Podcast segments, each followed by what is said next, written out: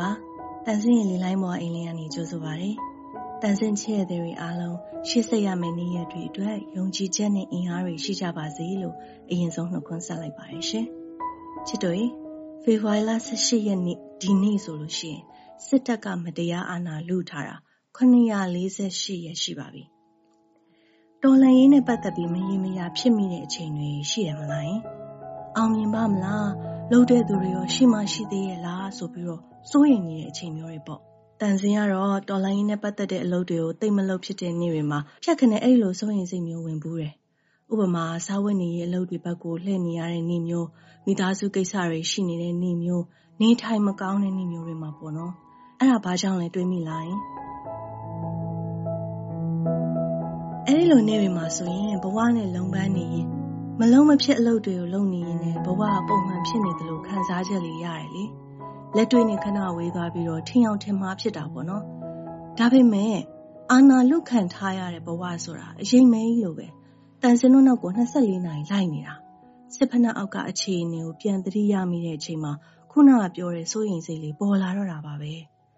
အခုအချိန်ငါလိုလူတွေများနေရင်ဒုက္ခပဲဆိုပြီးတော့တွေးမိတဲ့အချိန်တော်လှန်ရေးနဲ့ပတ်သက်ပြီးတော့ပူပန်မိတာပေါ့နော် အဲ့လိုအချိန်မှာဆိုရင်တန်စင်ကတော့ ရင်ဘတ်ချင်းတူတဲ့သူတွေ ဘာလို့နေလဲ သွားစကားပြောတယ် သူတို့စီကနေ တွန်းအားတွေယူတယ် တော်လှန်ရေးနားမိတဲ့နေ့တွေထက် ပိုလုပ်တယ် ကလစ်တယ်ဆိုလဲသေချာဝုန်းတယ်ရမုံငွေဆိုရင်လဲကိုယ့်အတွက်သုံးမယ်ဆိုတဲ့အထဲတွေကယူပြီးတော့ ထည့်လိုက်တာပဲ လက်ရှိလုံနေတာထက် ဘာပိုလုံနိုင်အောင်လဲရှာပြီးတော့ တာဝန်တစ်ခု ပိုယူလိုက်တယ် အဲ့လိုလုပ်ကြည့်လိုက်ရင် ပူပန်စိတ်ဆိုတာ ဘယ်နာသွားရှာမှန်းတော့မသိတော့ဘူး ဖြစ်သွားတယ်တန်စင်တို့ရဲ့ຫນွေဦးတော်လှန်ရေးဟာ ပြည်သူတွေရဲ့လှုပ်ချင်စိမ့်နဲ့လုံနိုင်တဲ့စွမ်းအားပေါ်အခြေခံပြီးတော့ရှေ့ကိုသွားနေရတာမလားဒီစိတ်ဓာတ်တွေကလောင်စာပဲလေဒါကြောင့်ချစ်တို့လည်းတန်စင်လိုမျိုးမရေရာတဲ့စိတ်မျိုးပေါ်လာပြီဆိုရင်ကိုယ့်ရဲ့လှုပ်ချင်စိမ့်နဲ့ကိုယ့်ရဲ့လုံနိုင်စွမ်းအားကိုတော်လှန်ရေးရဲ့တထောင်တနေရာမှာသုံးကြည့်ကြည့်နော်အောင်မြင်မှုတွေကိုတွေ့လာရမှာပါဘိုးကျောင်းအောင်ဆန်းလည်း1948ဂျူဘလီဟောမင်ကူမှာပြောဦးတယ်လေတော်လှန်ရေးအောင်မြင်ဖို့အခြေခံကတော့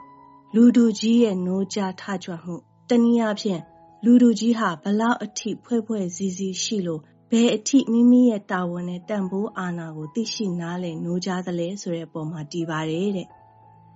တန်စင်တို့ရဲ့ဒီတော်လှန်ရေးကတဦးတယောက်ကဥဆောင်လို့စလုပ်ခဲ့ကြတာမှမဟုတ်တာ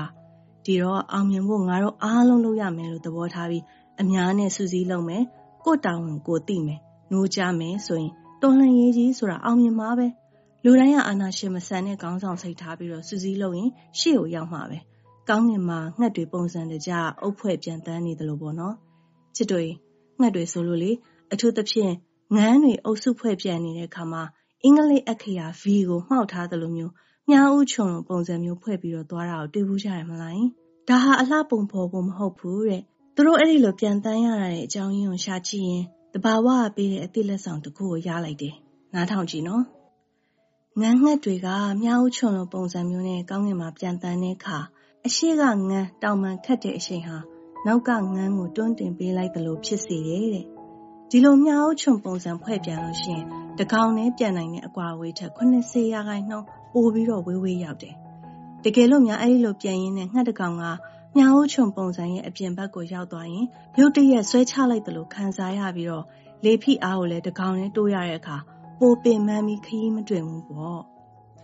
ဒါကြောင့်ငန်းတွေကပုံစံကနေကွဲသွားတာနဲ့ ချက်ချင်းမြအောင်ချွန်ပုံစံနဲ့ကိုပြန်ဝင်ပြီးရှေ့ရငှက်ရဲ့အတောင်ပံခတ်အားကိုပြန်အရယူတယ်။နောက်ပြီးထိတ်ကအချွန်နေရာမှာရောက်နေတဲ့ငှက်ကပင်ပန်းလာပြီဆိုရင်မြအောင်ချွန်ထိတ်ကနေနောက်ကပုံစံနဲ့ကိုလှည့်ဝင်လိုက်တယ်။အဲ့ဒီအချိန်မှာနောက်ငန်းတစ်ကောင်ကထိတ်နေရအောင်ဝင်ယူပြီးတော့ပုံစံမပြတ်အောင်ဆက်ပြီးတော့ဥဆောင်ပေးတယ်။ဒါတွေမကသေးဘူးနော်။တကောင်နဲ့တကောင်အတန်ပေးရင်းနဲ့အရှိန်ညီဖို့အားပေးကြသေးတာ။တကယ်လို့များပြန်နေရင်းနဲ့နေမကောင်းတဲ့ဒဏ်ရာရတဲ့ငန်းရှိတယ်ဆိုရင်တခြားငန်းနှစ်ကောင်ကဘေးကနေဖေးမှပြီးတော့အောက်ကိုနှိမ်ပြီးတော့လိုက်ပြန်ပေးတယ်တဲ့။နာသွားတဲ့ငန်းတည်သွားတဲ့အထိဒါမှမဟုတ်တစ်ခါပြန်ပြီးအချိန်ရလာတဲ့အထိပေါ့။ပြန်အချိန်ရလာပြီဆိုရင်တော့ညာဦးချွန်ပုံစံပြန်ဖွဲ့ပြီးတော့ဆက်သွားကြတယ်တဲ့။ဘုံဥတီချက်တစ်ခုအတွက်စူးစမ်းရုန်းကန်တဲ့အခါမှာ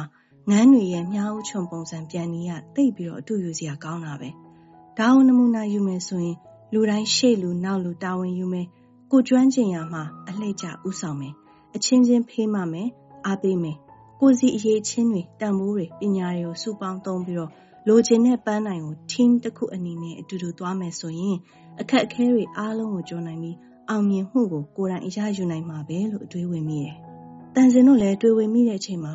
ငန်းတွေရဲ့တဘာဝပေးတဲ့ဒီအသည့်လက်ဆောင်ကိုသတိရကြအောင်နော်။ချစ်တို့တန်စင်မှာ Facebook page လေးတစ်ခုရှိတာသိလားဟင်။ ဒီနေ့တော့အဲ့ဒီ page ကတဆင်ရောက်လာတဲ့ဇာလေးတစ်စောင်အားလုံးနဲ့တူတူဖတ်ကြည့်ကြပါမယ်။ကျမတော့ပြေးပထောက်ဖို့တူပါ။ဒီစာအုပ်ပို့ပြတာရင်းနှီးမျိုးသိထားတဲ့အိမ်ပြန်ခြင်းစိတ်ကကာလကြာရှည်လာပြီမို့တက်တာစေဖို့ရည်ရွယ်ချက်တသက်ပါပဲတကယ်ကကျမထောက်ပို့လာတာပြည်ပမှာအဆင်ပြေတဲ့ဘဝမို့တစိမ့်တစ်ပိုင်းပို့တာကိုခွဲဝေပို့နေတာမျိုးမဟုတ်ခဲ့ပါဘူးကျမမှာအခက်အခဲတွေအများကြီးကြားရစူးစမ်းထောက်ပို့ခဲ့တာပါ တကယ်တော့ကျမကင်ဆာယောဂါကို2020ခုနှစ်မှာခံစားခဲ့ရတဲ့သူပါတနှစ်ခွဲလောက်သေလူမျိုးပါအသက်လူခဲ့ရတဲ့အချိန်ဒီမှာကုသပြီးအိမ်ပြန်မယ်ဘဝကိုအေးရအေးချောင်းနဲ့နေမှာပဲပြန်နေတော့မယ်လို့လည်းဆုံးဖြတ်ထားခဲ့တာပါဒါပေမဲ့2021ဖေဖော်ဝါရီလ1ရက်နေ့မှာပဲအဲ့ဒီမျှော်လင့်ချက်တွေဝေဝါးသွားခဲ့ရပါတယ်မြန်မာကိုပြန်ဖို့အဲ့ဒီမှာဆေးဆက်ကုဖို့မဖြစ်နိုင်တော့ပါဘူး စီးပွားရေးတွေကကြဆရာဝန်တွေက CDM လောက်ကြဆေးတွေကလည်းအစမတန်ဈေးတက်ပြီးတော့သွားရေးလာရေးအခက်အခဲတွေနဲ့ဆေးပြက်လက်မှုတွေပါကြုံနေရတဲ့ကာလမှာပြန်ဖို့နောက်ဆုတ်လိုက်ရပါတယ်။ဖြစ်ရအားလုံးရဲ့တရခန့်ကစစ်တက်ကြောင်းဆိုတာလေတန်တရားပွားစရာမလိုခဲ့ပါဘူး။လူနာဆိုပေမဲ့ CDM ကျန်းမာရေးဝန်ထမ်းတိုင်းအတွက်အမြဲတမ်းဂုဏ်ယူနေခဲ့တဲ့သူပါ။တေချာတာကတော့ ကျမသာပြည်ရင်းမှာရှိနေခဲ့မယ်ဆိုရင်လေ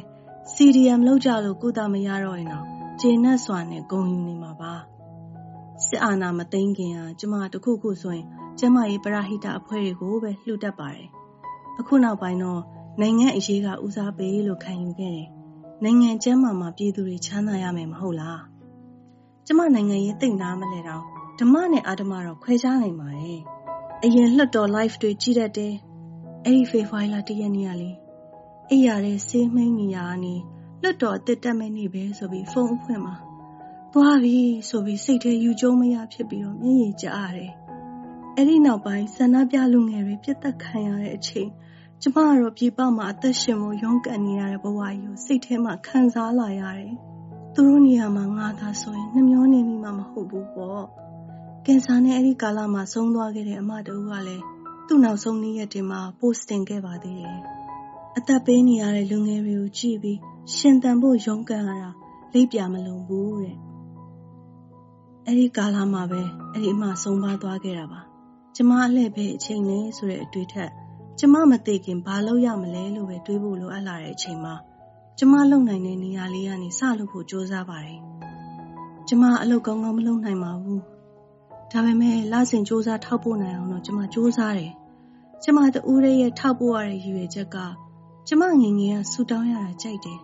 လူဘဝမှာကျင်လည်ရတဲ့၍ဗုဒ္ဓဘာသာထွန်းကားတဲ့နိုင်ငံမှာပြန်ဖြစ်ခွင့်ရပါစေလို့တောင်းလာရဆုရှိပါတယ်။အဲ့ဒီအတွက်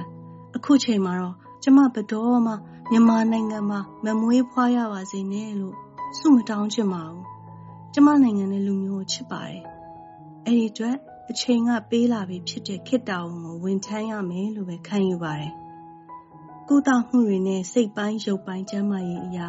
အဖွဲလိုက်လှုပ်ရှားမှုတွေစိတ်အားလူအားထည့်ရတဲ့နေရာတွေမှာမပါဝင်နိုင်ပေမဲ့တက်နိုင်တဲ့နေရာလေးမှာကျမဇွဲလုံးလာထားတယ်။ပင်မလာတဲ့အခါခဏအားလုံးကိုရက်ပြီးတော့အနားယူတယ်။အားပြေလာတာနဲ့တော်လှန်ရေးမပြီးသေးဘူးလို့အားပြတ်မွေးပြီးတော့ထောက်ပို့ပါတယ်။တကယ်တော့ကျမတော်လှန်ရေးမှာအများကြီးလုံနိုင်ကျင်ခဲ့တာပါ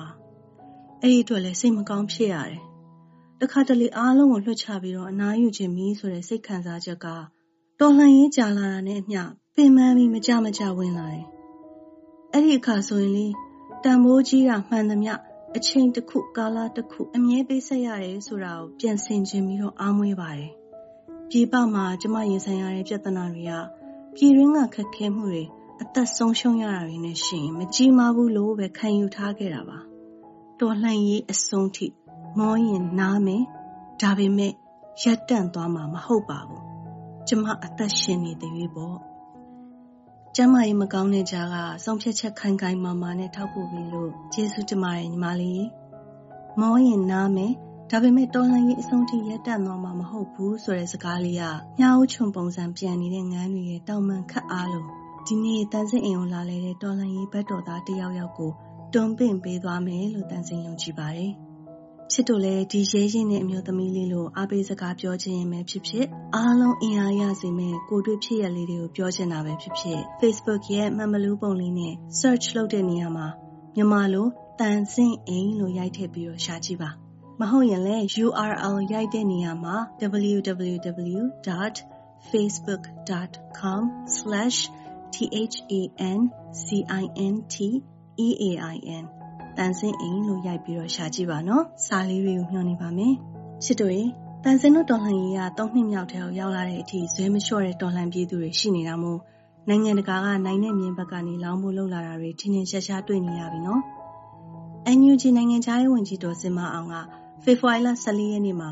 American ဒုနိုင်ငံခြားရေးဝန်ကြီး Wendy Sherman နဲ့တွေ့တယ်။ အဲဒီနောက်တရက်မှာပဲ America ကမြန်မာပြည်သူတွေအတွက်လူသားချင်းစာနာမှုဆိုင်ရာအကူအညီဒေါ်လာ350ထပ်တိုးပေးမယ်လို့ရန်ကုန်အခြေစိုက် American တန်ယုံကတရားဝင်ကြေညာတယ်။ American နိုင်ငံတကာဖွံ့ဖြိုးရေး Agency USAID ကနေတဆင့်အရေးပေါ်စားနပ်ရိက္ခာနဲ့အာဟာရအထောက်ပံ့အတွက်ပါတဲ့ဒီလိုအရေးပေါ်အကူအညီတွေကပြဿနာအရင်းမြစ်ကိုဖြေရှင်းမပေးနိုင်ပေမဲ့တန်စင်တို့အတွက်အကျိုးရှိတဲ့ရလဒ်ပဲစစ်ဆောင်ပြည်သူတွေရဲ့ဝန်ရော တော်လှန်ရေးတပ်ဦးရဲ့ဝန်ကိုပါထမ်းနေရတဲ့ထောက်ပို့ပြည်သူတွေအတွက်အများကြီးဝင်ပေါ့သွားနိုင်တယ်လေတခြားဘက်ကိုပို့လုံနိုင်တာပေါ့နောက်ပြီးတော့ပြည်ထဲမှာဆိုရင်လည်းစကစစစ်တပ်ထဲမှာပြည်သူဘက်တော်သားတွေကိုခြေမှုန်းမှုတာဝန်ပေးခံရတဲ့ဒုဗိုလ်မှုကြီးတို့ဗိုလ်မှုတို့အဆင့်တွေကစကစအတွက်စစ်မတိုက်နိုင်ဘူးလို့ညင်းတာမျိုးတွေဖြစ်လာပြီအဲ့ဒီမှာမြမရေးရပညာရှင်တွေသုံးသပ်ထားမှုတဲ့မြန်မာနိုင်ငံကစစ်အာဏာရှင်တွေအကြောင်းကိုတတိရတယ်တခြားနိုင်ငံစစ်အာဏာရှင်တွေဆိုတာ သူတို့အာဏာချုပ်ကင်ထားနိုင်ဖို့ချော့တခါ၆တလှည့်လောက်တကြတယ်တဲ့တစ်ဖက်မှာခက်ချမ်းချမ်းကင်တွယ်တာရှိပေမဲ့ချော့တဲ့အခါမှာလဲသူတို့ကိုငွေအားလူအားနဲ့ထောက်ခံတဲ့အင်အားတိုးလာအောင်ချွေးသိပ်တတ်ကြတယ်။ဒါမှလည်းရေရှည်ရက်တည်နိုင်မှာကိုဒါပေမဲ့မြမပြည်ကစစ်အုပ်စုကတော့အထူးသဖြင့်အခုစကစကတော့ချော့တဲ့အလုပ်ကိုမလုပ်တော့ဘူး။ကြမ်းမဲကြမ်းနေတာကိုတွေ့ရတယ်။ဒါပါလို့လဲဆိုတော့မြမပြည်ကစစ်တပ်ကနှစ်ပေါင်းများစွာစီးပွားရေးမှာပါချုပ်ကင်ထားတော့ ပြည်သူတွေမထောက်ခံလဲစစ်တပ်ဆိုတဲ့အမာခံအဖွဲ့အစည်းရှိနေရင်ငွေအားလူအားရှိတယ်ဆိုပြီးဘသူမှကြုံမဆိုင်ဘူးဘာမှမကြောက်ဘူးဆိုပြီးတော့ကိုပြည်သူတွေကိုကိုပြန်တတ်နေနိုင်တဲ့အနေအထားဖြစ်နေတာလို့သုံးသပ်ထားခဲ့ကြတာလေစကစတက်ထဲမှာပြည်သူတွေနဲ့စစ်မတိုက်ဘူးဆိုပြီးအာခံတဲ့လူတွေထွက်လာပြီဆိုတော့စကစရဲ့ဘတ်တော်သားလို့မြင်နေရတဲ့သူတွေထဲမှာလည်းသူတို့လောက်ရက်တွေကိုလက်မခံနိုင်တဲ့သူတွေရှိလာပြီဆိုတာကိုပြနေတာပဲလို့ပြောလို့ရတယ် စစ်အာဏာရှင်တွေအားကိုးတယ်လို့ပညာရှင်တွေသုံးသပ်ထားတဲ့စစ်တပ်ဆိုတဲ့အမာခံအဖွဲ့အစည်းကလည်းတကယ်ကိုနည်းနည်းလေးပဲဖြစ်ဖြစ်ရိုင်နေလာပြီလို့ပြောရမှာပဲဒီအချိန်နဲ့ထိတန်စင်တို့လှုပ်လာပြီးပြီဆိုတော့ဒီတော်လှန်ရေးဟာဘလို့နီးနဲမှလမ်းတစ်ဝက်မှာရပ်ထားလို့မရအောင်နော်အဆုံးထိအနိုင်တိုက်မှရမယ်ဆိုတာပိုသေးကြသွားပြီအထူးသဖြင့်စကစအခုလိုရှေ့မတိုးတာနောက်မဆုတ်တာဖြစ်နေလို့တန်စင်တို့ပြည်သူတွေအပေါ်ဘလို့မှတတ်ညာပြီးပျော်ပြောင်းလာမဲ့ပုံမပေါ်ဘဲနဲ့ပိုပိုကြမ်းလာမဲ့အချိန်မှာ တန်စင်တို့ကကြောက်ပြီးတော့ရှော့ပေးလိုက်လို့မရဘူးရှော့ရင်ပြည်သူတွေပဲဒုက္ခနွန်တဲကနေဆွေစင်မျိုးဆက်ရုံမထွက်နိုင်တော့ပဲဖြစ်သွားမှာအဲ့ဒါဆိုရင်တော့သွားပြီအဲ့တော့အနိုင်တိုက်မှကိုရမှာအားလုံးညီစေနော်ကဲနောက်ဆုံးအနေနဲ့မောင်ဖြိုးဝေရေးထားတဲ့မုံတိုင်းချမ်းမှာပန်းနေဆိုတဲ့ကြပြလေးနဲ့အဆုံးသတ်လိုက်ချင်ပါတယ်နားထောင်ကြည့်ပါရှင်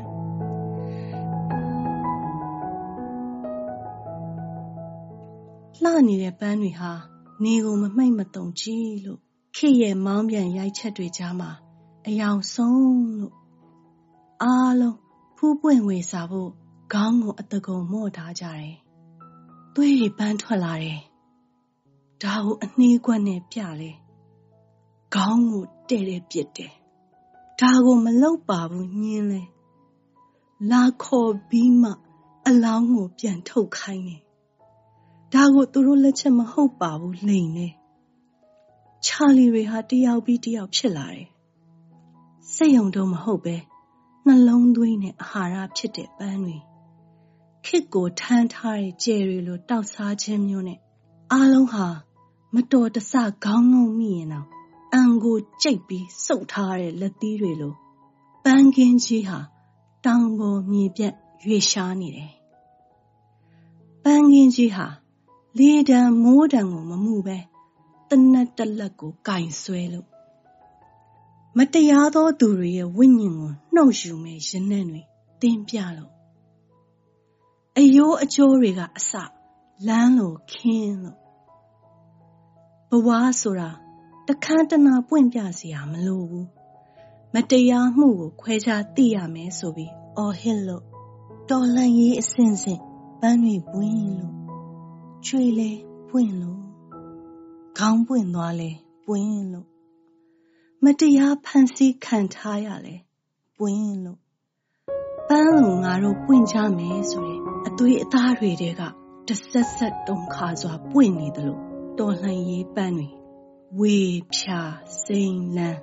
ဆက်လက်ချီတက်ကဲချစ်တို့ရေတန်းစိန်ကိုလာလိုက်ရင်းနဲ့ တော်လှန်ရေးအသည့်အသည့်နဲ့ခွန်အားတွေရသွားမယ်လို့မျှော်လင့်ပါတယ်ဒီနေ့တော့ဒီမှာပဲနှုတ်ဆက်လိုက်ပါတယ်နောက်ပတ်မှတန်းစိန်မှာပြန်ဆောင်ကြပါမယ်ပြန်မဆုံနိုင်သေးခင်အားတင်းထားကြမယ်နော်တတား